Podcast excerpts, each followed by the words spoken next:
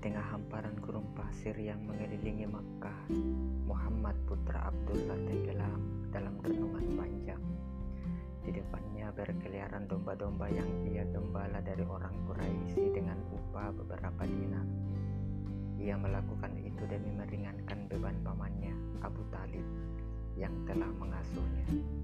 Muhammad ingin membantu memenuhi kebutuhan pokok keluarga besar pamannya itu.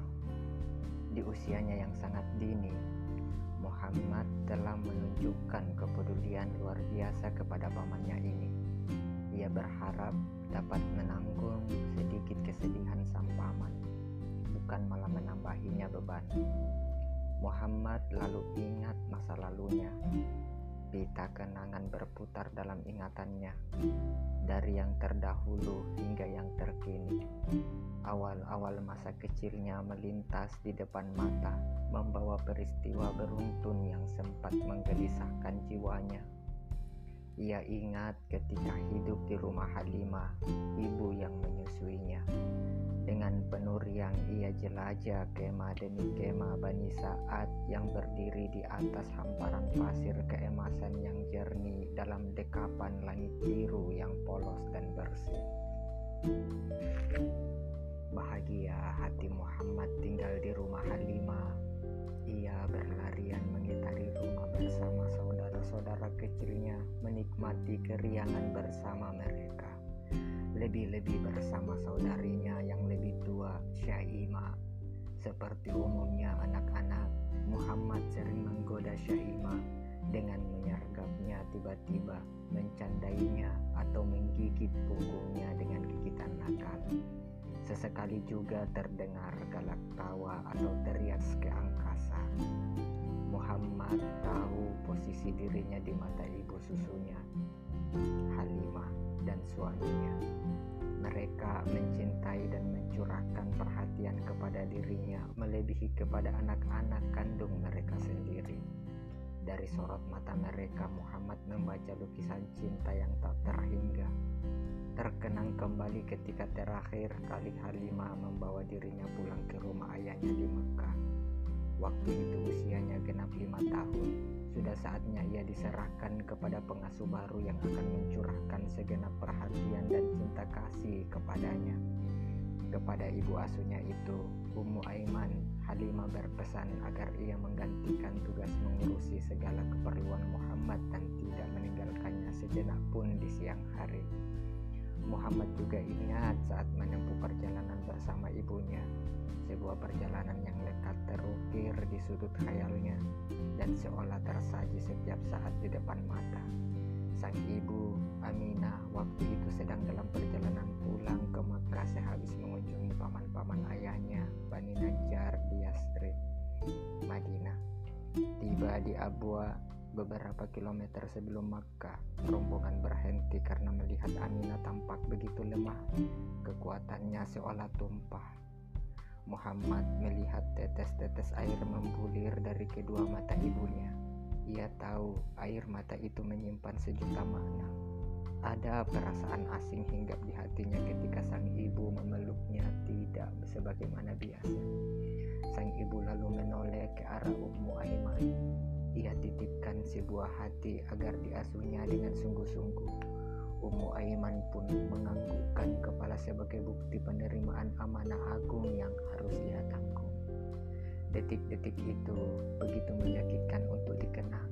Ada rasa nyeri menggores hati. Terlihat oleh Muhammad mata kedua wanita yang ia cintai itu berlinang-linang. Ia tahu sebuah peristiwa besar tengah terjadi Ummu Aiman tampak begitu terpukul. Ia tutupi wajah tenang wanita yang telah melahirkan anak asuhnya itu. Air mata meluap makin tak tertahan. Kemudian ia bangkit dan membimbing Muhammad menuju rombongan yang tengah menunggu. Keduanya disambut tanpa sepatah kata apa pun. Semua membisu, semua bersedih. Tak ada mata kecuali menatap Muhammad dan Ummu Aiman dengan Kesedihan menggurat di wajah Muhammad. Betapa berduka ia menempuh sisa perjalanan tanpa ditemani lagi seorang ibu. Ummu Aiman tahu itu. maka ia berusaha menghiburnya dan mengajaknya bercanda. Tetapi Muhammad bergeming, wajahnya malah makin pas. Dadanya terasa dadanya terasa sesak duri derita. Ada sejuta tanda tanya timbul tenggelam di samudera jiwanya. Ingin semua itu ia tumpahkan kepada Ummu Aiman, tetapi lidahnya terasa keluh dan terkunci. Ia memilih membiarkan kesedihannya mengalir tanpa akhir dalam semesta diam. Ia tahu kini Ummu Aimanlah ibu sekaligus pelindung dirinya. Ia tahu kepadanya hidupnya bergantung sebagaimana hidup Ummu Aiman pun bergantung padanya setelah menerima wasiat Aminah. Tiba di Makkah, Muhammad langsung disambut kakeknya, Abdul Muthalib, dengan dekapan erat dari wajah lelaki yang sudah sakit-sakitan karena termakan usia itu, juga wajah para paman yang mengelilinginya. Muhammad menangkap sinyal keprihatinan dan belas kasih tertumpah padanya. Kali ini ia merasa pandangan mereka berbeda dari sebelumnya. Hati kecilnya berkata, pasti peristiwa besar tengah terjadi. Terbayang sesuatu yang luar biasa sedang menanti dalam hidup selanjutnya sesuatu yang sama sekali berbeda dengan urusan manusia pada umumnya. Tetapi kesedihan berangsur surut, wajah muran dan tatapan asing mulai menyingkir. Ucapan hati-hati yang biasa ia dengar perlahan menghilang. Muhammad merasa hidupnya mulai tenang. Ia pun mulai terbiasa hidup tanpa seorang ibu, meski tidak berarti kehilangan cinta dan kasih sayang. Sebab semua wanita di sekitarnya, istri semua pamannya, wanita-wanita sahabat ibunya, bahkan wanita asing yang tak ia kenal, memberinya curahan cinta dan perhatian itu. Meski dia menyadari hal itu tidak lantas memutus tali kenangan kenangannya kepada sang ibu, wanita yang di matanya begitu agung tak tertandingi. Dari kalangan pria, perlindungan dan perhatian terbesar diperoleh Muhammad dari kakeknya perhatian yang sebenarnya tidak datang tiba-tiba, tetapi sudah ditunjukkannya sejak dulu. Banyak orang berkata kepada Muhammad bahwa ketika ia lahir kakeknya bahagia luar biasa, kebahagiaan yang bahkan melebihi seorang bapak atas kelahiran anaknya. Padahal ia sendiri mempunyai banyak anak, laki-laki maupun perempuan dan pembantu. Begitu Muhammad lahir dan diserahkan kepada sang kakek dengan segenap perhatian, ia segera menggendongnya ke Ka'bah. Di bawahnya ia masuk dan, di, dan didoakan agar terlindung dari segala keburukan. Setelah puas baru ia mengembalikannya kepada ibunya dan berpesan agar ia dijaga dengan baik. Diberinya ia nama Muhammad, nama yang sama sekali baru dan tidak lumrah di kalangan bangsa Arab. Ketika kaumnya bertanya, sang kakek menjawab, saya ingin ia dipuji semua orang. Hidup bersama kakeknya, Muhammad diperlakukan seperti anaknya sendiri. Bahkan ia merasakan kakeknya lebih mencintainya dibanding kepada anak-anaknya sendiri. Karena begitu sayang kepada Muhammad, sang kakek selalu memanggilnya anakku. Ia tidak pernah menyapanya, wahai anak Abdullah, Sang kakek sangat mengkhawatirkan diri Muhammad sebagaimana orang tua mengkhawatirkan anaknya. Ia selalu mengingatkan siapa pun agar Muhammad dijaga dari sesuatu yang tidak menyenangkan atau membahayakan. Ia selalu berpesan kepada pengasuh Muhammad, Ummu Aiman, untuk selalu mengawasi dan memperhatikannya dengan baik. Lebih dari itu, jika Abdul Muthalib berada di suatu jamuan, sang cucu selalu diajak mendampinginya. Ia menyantap hidangan itu bersama-sama dan bahagia bersamanya. Muhammad hidup tenang dan damai dalam keluarga kakeknya yang hangat dan sangat mencintainya. Muhammad pun mencintai kakeknya dan ia mulai menyadari kedekatan batinnya dengan sang kakek. Setiap hari Muhammad dapat membaca baris-baris kasih pada wajah kakeknya. Setiap kali Muhammad meminta sesuatu, sang kakek selalu memenuhinya. Muhammad tidak pernah menerima perlakuan tidak menyenangkan dari kakeknya. Bahkan Muhammad tidak pernah melihat kerut masam pada wajah kakeknya. Ia selalu tersenyum untuk Muhammad. Abdul Muthalib adalah pemimpin Quraisy yang sangat berwibawa. Ia bertanggung jawab menjaga dan merawat Baitul Haram yang agung. Ia juga bertugas menyediakan kebutuhan air untuk orang-orang yang melaksanakan haji dan memberikan pelayanan sebagaimana mestinya. Dialah yang menggali kembali mata air zam-zam setelah sekian lama tertimbun. Dari zam-zam ia menyuplai air kepada orang-orang berhaji dan semua penduduk kota Makkah.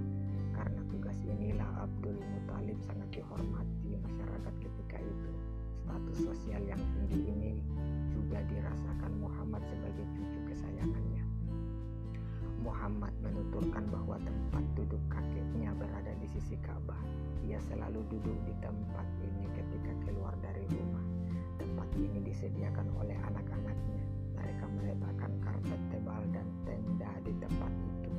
Mereka sering menunggu Abdul Muthalib keluar rumah dengan duduk-duduk mengitari tempat ini. Seorang pun berani duduk atau mendekati tempat itu karena rasa hormat mereka pada Abdul Muthalib yang berwibawa. Muhammad tumbuh bersama paman-pamannya. Ia ikut menunggu Abdul Muthalib keluar dari rumah. Suatu hari ia berdiri menunggu, kemudian duduk di tempat duduk Abdul Muthalib. Beliau melakukan itu karena mencintai pemilik tempat itu. Melihat perbuatan Muhammad kecil itu, beberapa pamannya merasa terganggu. Bagi mereka seharusnya Muhammad bisa memosisikan diri di hadapan tempat itu. Dia hanyalah bocah yatim miskin yang derajatnya tidak pantas bersanding dengan derajat Abdul Muthalib. Ketika itulah seorang paman yang memberikan isyarat agar Muhammad pergi bermain bersama anak-anak yang lain. Ia diminta pergi agar tidak mengganggu mereka. Ketika Abdul Muthalib keluar dari rumah menuju tempat duduknya, ia melihat seorang anaknya sedang mencengkeram bocah kecil Muhammad. Wajah Abdul Muthalib berubah. Ia menjauhkan anaknya itu dari tempat duduknya. Kemudian ia mengisyaratkan agar anak itu tidak bersikap demikian pada Muhammad. Ia lantas menggendong Muhammad dan memeluknya dengan ia dudukkan Muhammad di atas tempat duduk sambil mengusap-usap punggung Muhammad untuk menenangkannya dan membuatnya merasa lebih akrab. Abdul Muthalib kemudian kepada para putranya dan berkata, biarkan anakku Muhammad berada di tempat dudukku. Sungguh dia tahu tempat yang pantas untuknya. Demi Allah, dia memiliki sesuatu yang luar biasa. Sejak peristiwa itu, semua orang yang dekat atau yang jauh mengetahui kadar cinta Abdul Muthalib pada Muhammad. Karena itulah mereka menyapa Muhammad sebagai putra Abdul Muthalib, ibnu Abdul Muthalib, bukan putra Abdullah, ibnu Abdullah. Julukan baru ini kemudian menyebar di tengah masyarakat hingga mereka lebih mengenal Muhammad dengan julukan barunya ini. Muhammad pernah mengenang hari ketika air matanya berlinang begitu deras, hari wafatnya sang kakek yang agung. Seluruh Makkah bersedih karena kepergiannya. Laki-laki perempuan bukit-bukit lembah-lembah termasuk Al-Baitul Haram ikut berkabung. Semua orang berkumpul karena pemimpin agung ini meninggal dunia. Akan tetapi kesedihan Muhammad jauh lebih dalam. Dukanya jauh lebih pedih. Muhammad merasakan kehilangan besar. Kesedihannya melebihi kesedihan delapan pamannya. Setelah kepergian Abdul Muthalib, tongkat kepemimpinan keluarga Hashim, Bani Hashim berpindah ke tangan Abu Talib, paman Muhammad, saudara kandung ayah Muhammad. Muhammad juga ingat bagaimana sepeninggal kakeknya ia lalu pindah ke rumah pamannya Abu, Abu Talib yakni ketika situasi di rumah sang kakek selaku pemimpin suku Quraisy sudah berubah dan semua putranya terkonsentrasi pada urusan masing-masing. Muhammad tahu bahwa pamannya Abu Talib berjiwa besar santun dan mencintainya dengan tulus. Tak heran bila Muhammad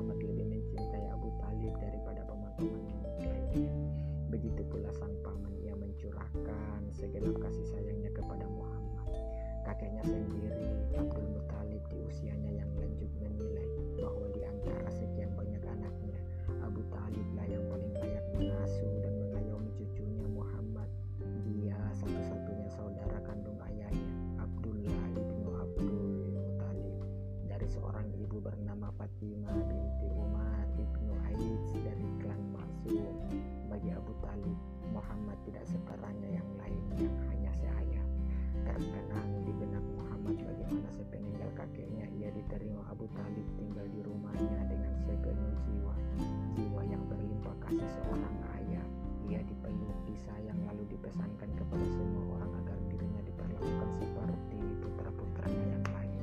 Tak seperti kepada kakeknya dahulu. Ketergantungan Muhammad kepada pamannya kini jauh lebih terasa. Muhammad seolah tak bisa hidup tanpanya. Di mana pun sang paman berada, selalu ditemani lagi ia berpisah dengannya.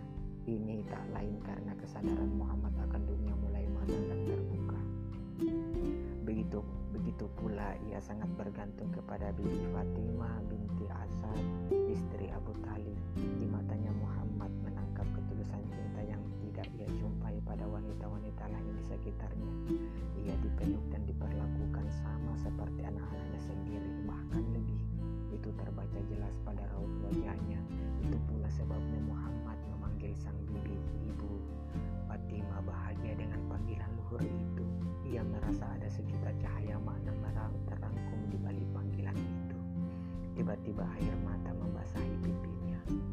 Air mata yang meleleh begitu saja tanpa ia tahu pasti apa penyebabnya. Air mata yang merangkum dua rasa, bahagia sekaligus iba. Iba menatap bocah yatim ini yang tak tahu kepada siapa mestinya ia tunjukkan kata panggilan itu. Tidak seperti anak-anak lain yang langsung kepada ibu bapaknya. Kata panggilan yang lahir dari hati yang polos dan dengan lincah dicolotehkan berkali-kali setiap hari melebihi kata-kata lainnya. Benar-benar nikmat Fatimah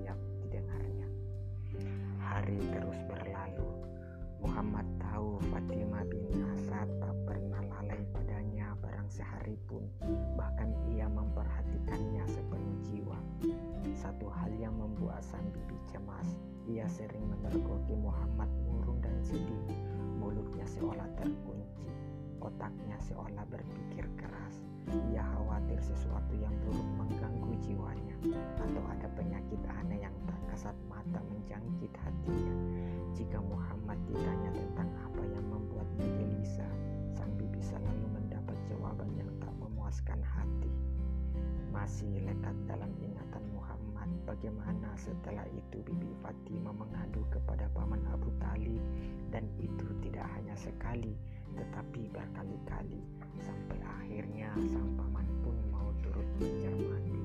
Namun begitu ia tak jua dapat menyelami titik pusat masalahnya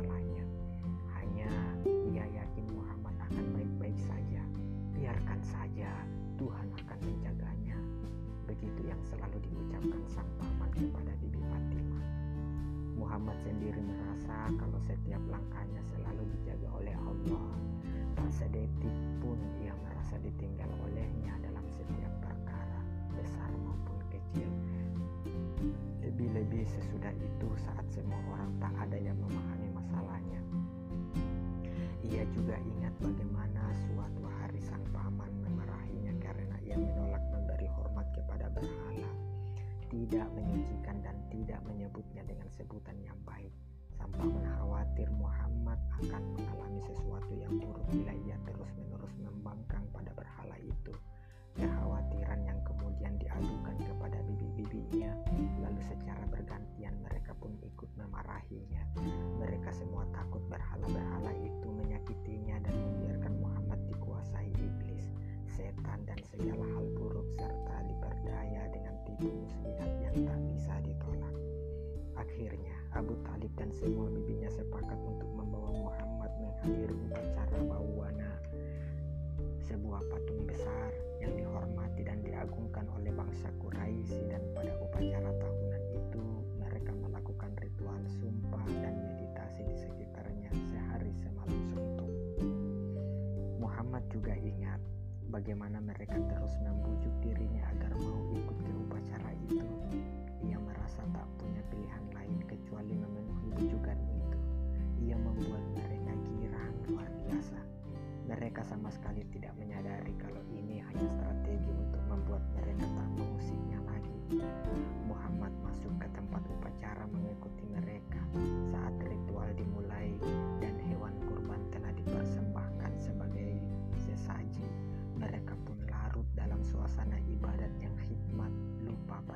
kecil Muhammad. Ketika bibi-bibinya dan Abu Talib menoleh sejenak ingin mengetahui apa yang diperbuat Muhammad, tiba-tiba ia lenyap.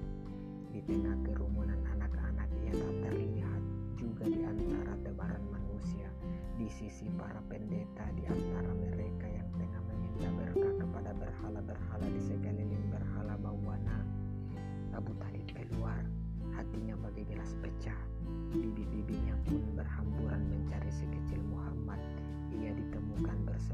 Salah satu pojok rumah. Ia terlihat sangat ketakutan. Tubuhnya gemetar, wajahnya pucat lisih seolah ia akan begitu seterusnya. Melihat kondisinya yang seperti itu, semua bibinya cemas.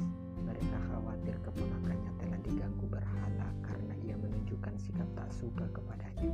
Lalu sang paman bertanya cemas, "Kamu kenapa, keponakanku? Apa yang menimpamu?" "Aku takut setan menggangguku," jawab Muhammad panik. "Kenapa? Apa yang terjadi padamu?" Seorang dari bibinya mendesaknya. Muhammad menjawab, "Setiap mendekati berhala yang berdampingan dengan berhala besar bawana, aku selalu melihat sosok lelaki putih panjang berdiri di depanku sambil menyeru,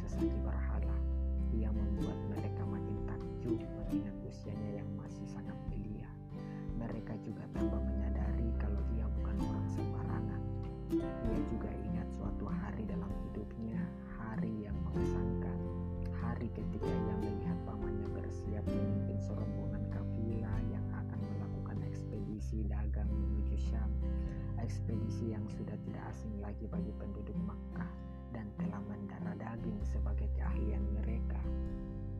Ia ingat bagaimana pada hari itu ia sangat sedih bila harus berpisah dengan orang yang di dalam dirinya ditemukan sumber kehidupan.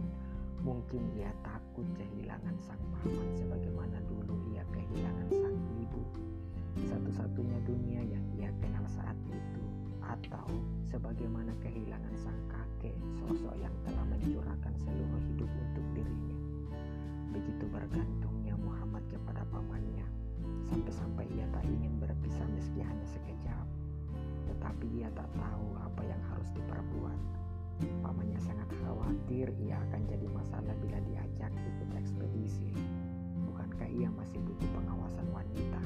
Dan bagaimana mungkin sang paman yang sibuk mengurusi perdagangan dengan mengawasi dirinya secara maksimal? Belum lagi menyangkut lelahnya perjalanan atau mungkin kebingungan arah kafilah yang mungkin saja terjadi. Tetapi si kecil Muhammad merasa kekhawatiran itu berlebihan. Ia tidak puas ketika sang paman memutuskan dirinya tak boleh ikut. Semua bibinya pun gagal melundakkan hatinya agar tidak ikut rombongan kafilah. Sang paman bingung, keponakannya makin tak bisa dipisahkan darinya. Ia tak ingin bersikap keras padanya. Menatap wajah Muhammad yang bercahaya hatinya jadi luluh. Ia menangkap ekspresi keputusasaan tersirat di situ. Sementara jauh di dalam kedua kelopak matanya tersisa bulir-bulir air mata. Sang paman merasa iba. Ia jadi ingat masa lalu keponakannya yang syarat penderitaan itu. Derita sebagai anak yatim yang kehilangan nilai Ia jadi berat meninggalkannya. Akhirnya ia berkata kepada istrinya Fatimah, kemaskan dia, aku akan membawanya. Sebenarnya Fatimah merasa berat atas keputusan suaminya itu, tetapi ia tak dapat berbuat apa-apa. Ia tak berani menolak keinginan suaminya, maka dengan hati penuh sangsi ia kemasi Muhammad. Urusan bagaimana diri dan suami serta keponakannya ia serahkan sepenuhnya Masih terkenang di hati Muhammad betapa senang ia menikmati perjalanan bersama sang paman dalam kafilah yang tengah bergerak ke arah utara menuju Syam, melintasi Yatsrib, Madinah, Khaybar, Timar, dan Tabuk. sebuah perjalanan panjang tanpa banyak istirahat sebelum tiba di Busra, salah satu ibu kota negara itu. Muhammad Muhammad tahu pamannya begitu gigih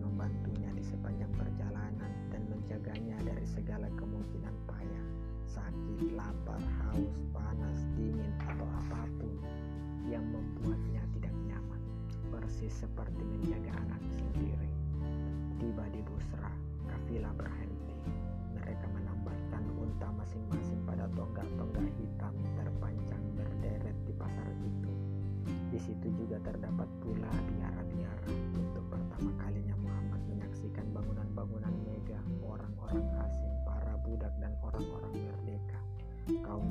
Dan konglomerat semua berbaur di pasar itu. Muhammad ingat hari itu ia ditinggal oleh pamannya di dekat sebuah kuil besar dan tinggi menjulang dikelilingi aneka jenis bangunan. Ia dititipkan kepada beberapa orang pembantu yang diwanti-wanti untuk menjaganya, berteduh di bawah rindang pepohonan yang berjejer di sana. Tak lama berselang, Abu Talib datang. Ia menggandeng tangan Muhammad dengan penuh kasih sayang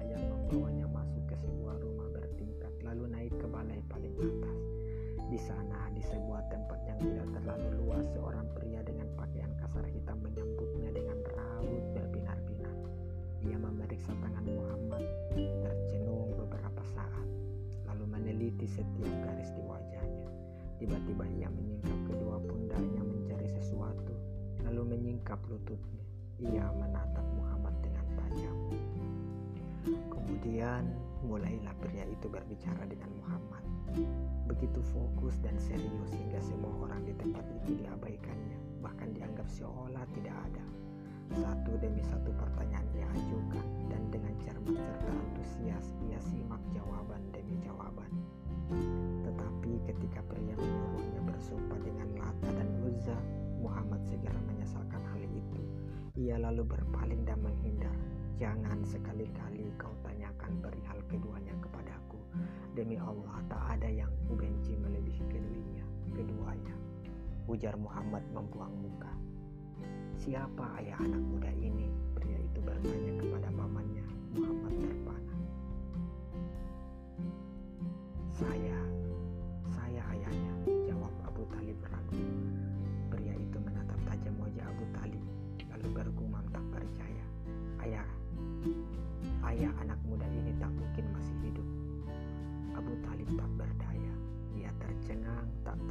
berkata apa. Sejurus ia terdiam. Lalu dengan terbata-bata ia berkata, Maksudku, aku pengganti ayahnya. Aku paman yang mengasuhnya. Sejak lama ia telah ditinggal mati ayahnya. Pria yang di kemudian hari dikenal dengan panggilan Rahib Buhaira itu bertafakur. Lama ia terdiam sebelum akhirnya ia mengangkat wajah sambil berkata dengan suara setengah berbisik, khawatir terdengar orang-orang di sekitarnya. Tuhan, jaga keponakanmu ini sungguh-sungguh. Hati-hati terhadap orang Yahudi. Jika mereka sampai mengetahui hal ini, segan-segan mereka akan berlaku jahat padanya. Masih lekat di benak Muhammad, bagaimana hari itu ia keluar bersama pamannya dengan cara berbeda, tidak seperti ketika ia dibawa masuk menemui rahib tadi, dan esok lagi. Bukan soal lapar, haus, lelah, atau sulitnya perjalanan, tetapi kekhawatiran terhadap apa yang diperkirakan sang rahib. Karenanya sang paman tak bisa tidur. Ia tak, ia terus gelisah. Diawasinya Muhammad dengan ketat dan tak pernah ditinggalkan sejenak pun siang atau malam. Mungkin Muhammad sendiri bertanya-tanya siapa orang Yahudi itu. Boleh jadi ia pernah mendengar tentang mereka ketika suatu hari mereka muncul di sana. Tetapi di mana mereka sekarang? Apa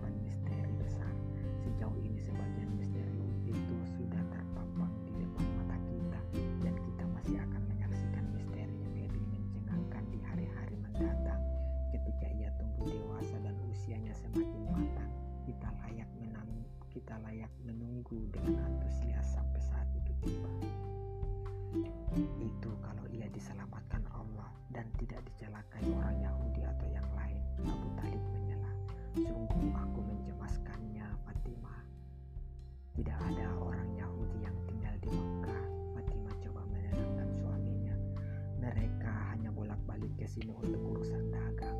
Menurutku jangan kau buka kepada siapa pun apa yang dikatakan rahib itu. Dan Muhammad harus selalu dalam pengawasan kita. Sejak itu perhatian Fatimah bin Asad makin besar dari hari ke hari. Dan cintanya kepada Muhammad mulai dipadati rasa hormat saat dia menanjak dewasa dan menjadi seorang pemuda. Saat ditanya suaminya tentang apa yang ia saksikan Fatimah membeberkan kehalusannya, kelembutannya, kesantunannya, ketenangannya, dan kewibawaannya. Bahkan ia heran karena Muhammad malu meminta atau menyuruh sesuatu kepadanya. Ia lebih pemalu dibanding gadis pingitan, tutur Fatimah. Dalam ingatan Muhammad, bibinya menganggap wajar anak-anaknya yang masih kecil bersikap malas-malasan, tetapi ia tak ingin seperti mereka. Ia tak ingin menjadi beban dan menambah kesulitan di rumah ini. Pamannya sudah lemah, sementara keluarga yang ditanggungnya cukup banyak. Bagaimana mau bermalas-malasan sedangkan ia di sini hanya menumpang? Karena itu, jika Fatimah sedang menyajikan makanan untuk anak-anaknya, Muhammad berusaha mengalah. Ia hanya bergeming ketika anak-anak itu yang karena begitu laparnya dan sedikitnya makanan yang tersedia berebut menjangkau nampan. Mereka memang rasa malu, sikap hormat, kesucian jiwa dan kelapangan hati. Muhammad tidak ikut mengulurkan tangannya ke nampan itu. Melihat itu semua Fatimah jadi ibah. Didekatinya Muhammad setiap ia menyiapkan makanan untuk si kecil dan disuruhnya ia makan bersama mereka. Terkadang malah Fatimah yang mengambilkan makanan dari nampan lalu dia ulurkan kepadanya. Ia merasa Muhammad tidak suka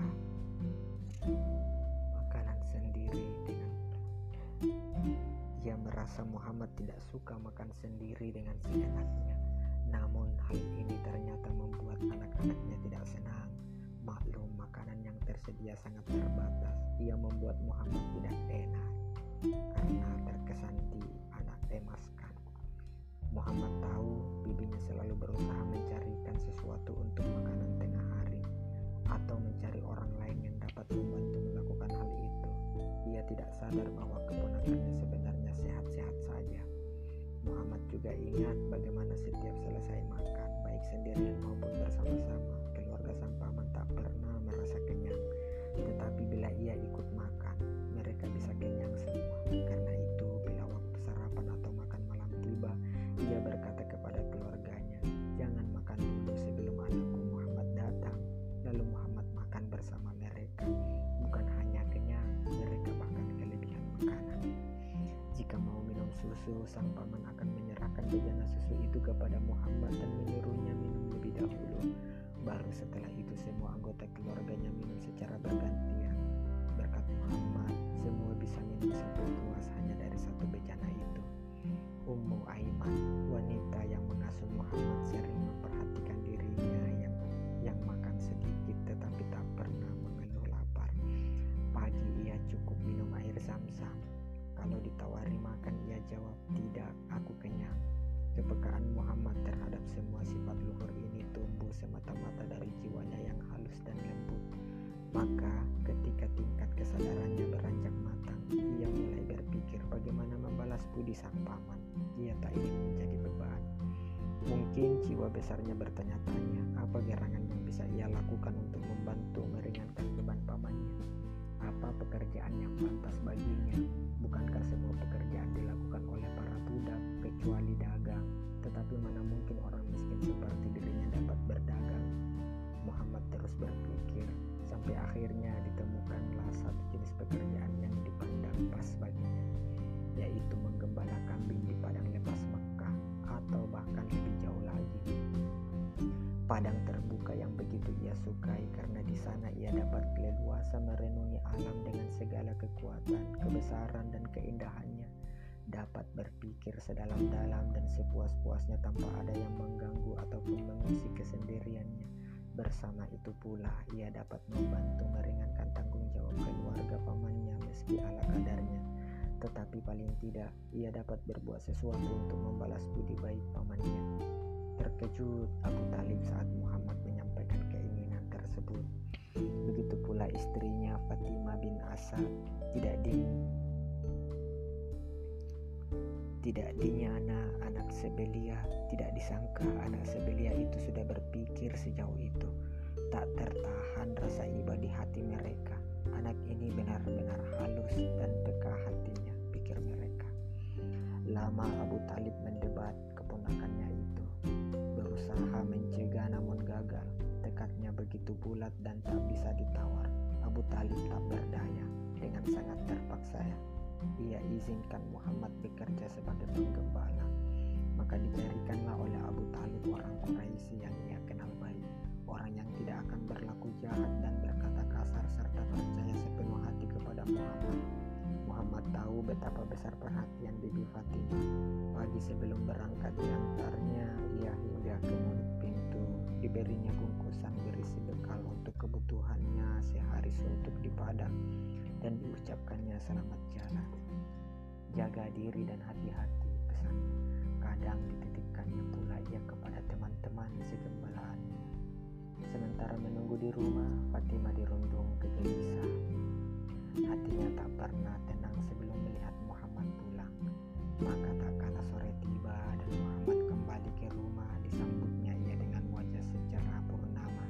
juga dengan pertanyaan berjejal untuk memastikan kalau ia baik-baik saja bersama teman-teman penggembala cilik yang tersebar yang tersebar luas di padang-padang sekitar Makkah. Muhammad menemukan lingkungan baru seperti layaknya kalau anak-anak sedang berkumpul. Mereka saling berbagi pengalaman atau kejadian yang mengusik hati mereka dan Muhammad tak luput dari sasaran cerita mereka itu. Mungkin ia tak pernah melihat langsung bagaimana bocah-bocah cilik itu bertarung mempertaruhkan jiwa melawan bahaya yang mengancam. Mereka juga bercerita kepada Muhammad tentang pesta yang diadakan di Makkah dari waktu ke waktu tentang aneka hiburan, permainan, dan berbagai kesenangan lainnya. Dibujuknya ia supaya datang ke sana bersama mereka. Didesaknya terus-menerus hingga ia akhirnya tergoda dan bermaksud menyaksikan langsung keberadaan pesta itu. Ia juga ingin seperti anak-anak itu, duduk-duduk di sana sambil ngobrol semalam suntuk. Suatu hari teman penggembalanya mendesak Muhammad mengunjungi sebuah pesta yang diadakan di salah satu sudut kota Mekah. Malamnya berangkatlah ia ke rumah pesta itu. Di sana untuk pertama kalinya ia mendengar tebuhan rebana, tiupan seruling, alunan lagu dan hal lain yang biasa dijumpai dalam acara-acara pesta seperti itu. Muhammad duduk di kejauhan, tak berani mendekat dan berbaur dengan orang-orang. Ia hanya ingin menyaksikan bagaimana anak-anak muda itu bergelimang pesta. Tetapi itu hanya sekejap, sebab segera setelah itu Allah membuat Muhammad tertidur lelap sepanjang malam. Bahkan pada paginya pun ia tidak akan bangun kalau tak disengat matahari yang sudah meninggi. Saat kembali kepada teman-temannya, Muhammad disambut dengan penuh tanda. Mereka berusaha menyibak apa sebenarnya dialaminya, tetapi ia tak banyak menjawab. Di waktu lain, ia diajak lagi oleh teman-temannya, tapi yang terjadi sama saja dengan sebelumnya. Akhirnya Muhammad merasa hari-harinya sebagai penggembala mesti diakhiri secepatnya. Ia harus mencari pekerjaan lain demi membantu pamannya. mungkin berdagang. Bukankah usianya telah menginjak 13 tahun? Ia yakin sudah bisa bantu-bantu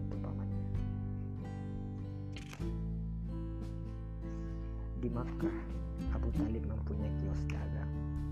Muhammad pikir ia bisa membantu mengurusi dagangan sang paman dan menggantikannya saat ia keluar atau pergi berdagang. Sebenarnya di samping kepada Abu Talib, Muhammad juga sangat ingin berbagi kebaikan kepada paman-pamannya yang lain. Ia senang bila mereka senang, sedih bila mereka sedih, sakit bila mereka sakit. Ia juga mencintai apa yang mereka cintai dan membenci apa yang mereka benci. Paman yang paling dekat dengan Muhammad adalah Hamzah. Ia seusia dengannya. Keduanya lahir pada tahun yang sama.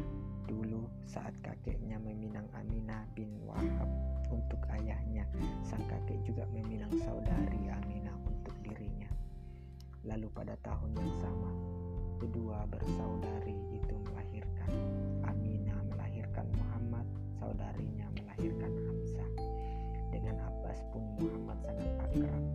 sering menemani pamannya yang beberapa tahun lebih tua itu dan mencintainya dengan tulus. Alhasil antara keponakan dan segenap sang paman terjalin erat hubungan cinta murni tanpa pamrih. Saat itu kehidupan mereka berjalan tenang dan damai, tak ada yang mengganggu sampai suatu ketika datanglah komplotan musuh pimpinan Qais Ailan menyerbu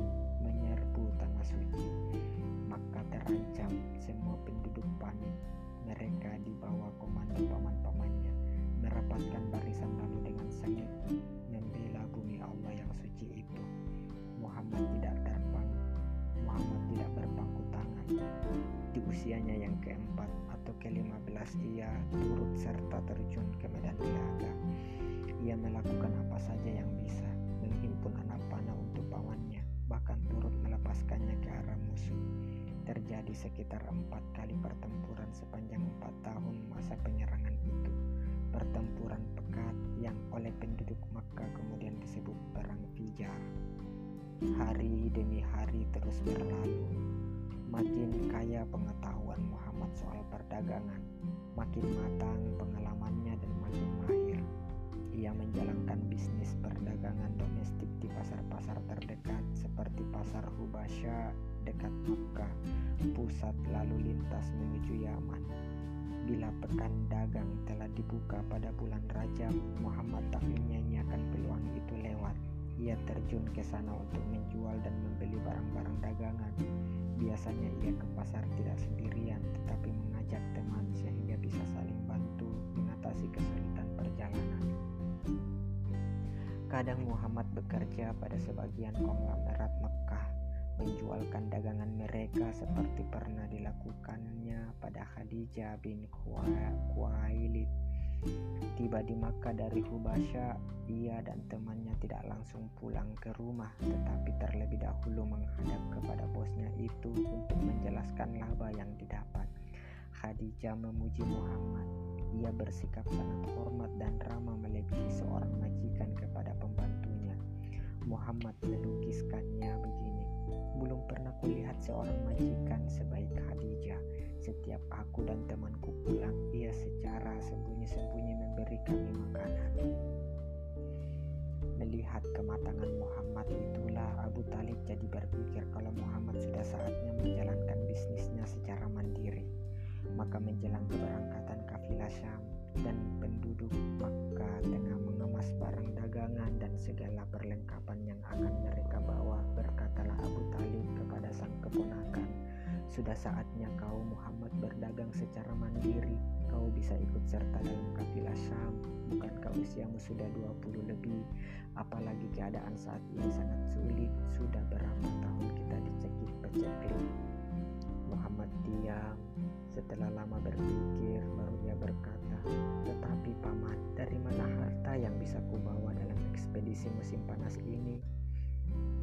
Lihat pemuda-pemuda Quraisy itu, mereka bekerja pada orang lain dengan cara bagi hasil. Kenapa kau tidak bekerja seperti mereka? Hati Muhammad terbuka. Ia merasa tertarik dengan usul pamannya itu. Ia diam berpikir bagaimana cara berhubungan dengan para pemilik dagangan itu. Tetapi apakah mereka mau menerima dirinya? Bukankah penduduk Makkah itu pedagang tule? Jarang mereka yang menyerahkan bisnisnya itu kepada orang lain. Kalau tidak dijalankan sendiri, biasanya dijalankan oleh anak-anak mereka sendiri. Karena itu, Muhammad berkata kepada pamannya, "Siapa yang rela menyerahkan dagangannya,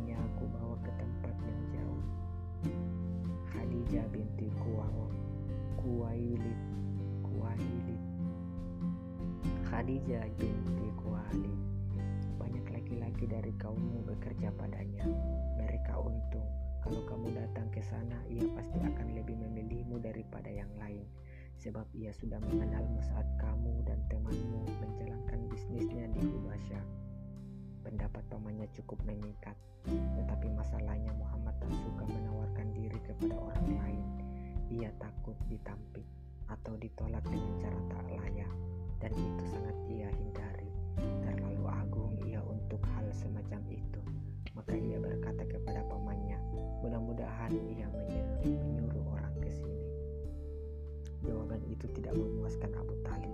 Bagaimana mungkin wanita yang dikerubungi banyak laki-laki itu ingat pada Muhammad?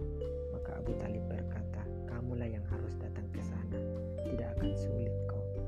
Mungkin Khadijah tengah duduk bersama beberapa wanita saat ia diberitahu tentang apa yang dibicarakan Abu Talib dengan keponakannya itu.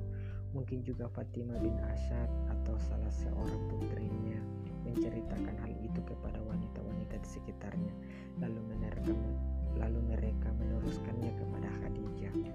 Yang pasti Khadijah merasa senang mendengar berita itu. Ia bangga bila dagangannya dibawa pemuda berjuluk Al-Amin, si jujur itu. Sebagaimana ia bangga dengan keagungan jiwanya dan keluhuran perangainya. Ia begitu berambisi agar agar bisnis dagangannya ke Syam pada musim panas tahun ini ditangani Muhammad. Ia hapus nama-nama pemuda lain dari benaknya fokus kepada Muhammad. Malam itu ia tidur dengan sebuah harapan, sebuah titik penting dalam langkah kehidupannya ke depan. Keesokan paginya seorang utusan Khadijah tiba-tiba mendatangi Muhammad. Ia minta Muhammad datang ke sana kalau ia mau. Sejuk hatinya menerima tawaran itu dan terpenuhilah impian pamannya dengan pertolongan Allah. Hanya sontak wajah Abu Talib berubah. Ada sesuatu yang mendadak melintas di benak orang tua itu. Ia gelisah dan istrinya Fatimah bin Asad menangkap gelagat tak enak itu. Ada apa Abu Talib? Kenapa kelihatan gelisah? Sedidik sang istri. Dengan nada sedih laki-laki bayi itu menjawab, sebentar lagi Muhammad akan bertolak ke Syam. Memang kenapa? Bukankah kau sendiri yang mendesaknya pergi? Ya, tapi aku khawatir terjadi apa-apa dengannya. Kau ini bagaimana? Dia yang mencemat itu sekarang umurnya sudah 20 lewat. Abu Talib diam lama sekali. Wajahnya keruh terpahat istrinya terlihat turut cemas. Ia menunggu jawaban suami. Ingin ia membaca hati dan pikirannya lewat dua mata yang telah jauh menempuh jarak usia itu. Sebelum akhirnya ia berkata, masih ingatkah kau Fatimah aku ceritakan padamu saat dia berusia sekitar 15 tahun atau lebih Kau ingat apa yang dikatakan Rahib Basra itu tentang keponakanku ini? Sontak kedua mata wanita itu mengantar bata-bata ia berkata Ya aku masih hafal kata-katanya. Ia menyuruhmu hati-hati menjaga Muhammad dari orang Yahudi.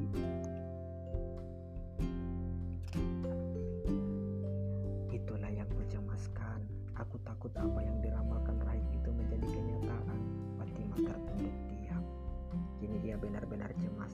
gelisah. Diam-diam ia berharap Khadijah menarik rencananya itu atau Muhammad menggagalkan atau Abu Talib menghalanginya pergi. Ia ingin Muhammad tetap di Makkah dengan aman dan tenang. Sementara itu Khadijah sudah di bulan. Ia serahkan seluruh hartanya kepada Muhammad untuk diperdagangkan ke Syam. Bahkan ia berjanji akan memberi laba berkali lipat dibanding pedagang muda lainnya. Lebih dari itu, Khadijah juga memberi Muhammad penghormatan yang lain. Ia diberi teman kepercayaan Khadijah, namanya Maisarah. Khadijah berpesan agar ia patuh kepada Muhammad dan mengurusi segala keperluannya. Muhammad berterima kasih atas kebaikannya itu dan ini ternyata menjadi awal bagi Khadijah untuk membuka lembaran hidup baru masa depannya. Begitu kafilah Quraisy bergerak meninggalkan Makkah, kesedihan Abu Talib meraja. Hari demi hari adalah duri tak pernah sunyi dari rasa sedih dan gelisah. Istri coba menghibur, ia ringankan beban dukanya, ia sejukkan perasaannya, ia tanamkan di lubuk hatinya rasa optimis kalau Muhammad akan baik-baik. Padahal ia sendiri tak kalah kacau pikirannya, tak kalah teriris nuraninya, sampai akhirnya tibalah hari bahagia itu, hari ketika kafilah datang tanpa ada yang kurang. Hari itu semua orang berkumpul di rumah suci Allah. Orang-orang Quraisy menyambut putra-putra terbaik mereka dengan sukacita karena telah kembali ke bumi Mekah dengan selamat dan dagangan berlimpah. Lebih-lebih kebahagiaan Abu Talib berseri-seri wajahnya melebihi yang lain. Dia bahagia karena dua hal yang tak seorang pun menandinginya. Bahagia karena tiba Muhammad dengan selamat. Bahagia karena keponakannya itu telah mempunyai pekerjaan. Pekerjaan yang sesudah itu. Muhammad langsung menuju sang majikan. Ia serahkan laba berlimpah dari hasil penjualan barang-barang yang ia bawa ke Syam. Ia juga membeli barang-barang dari sana untuk dijual di Mekah dengan harga berlipat ganda. Kejadian demi kejadian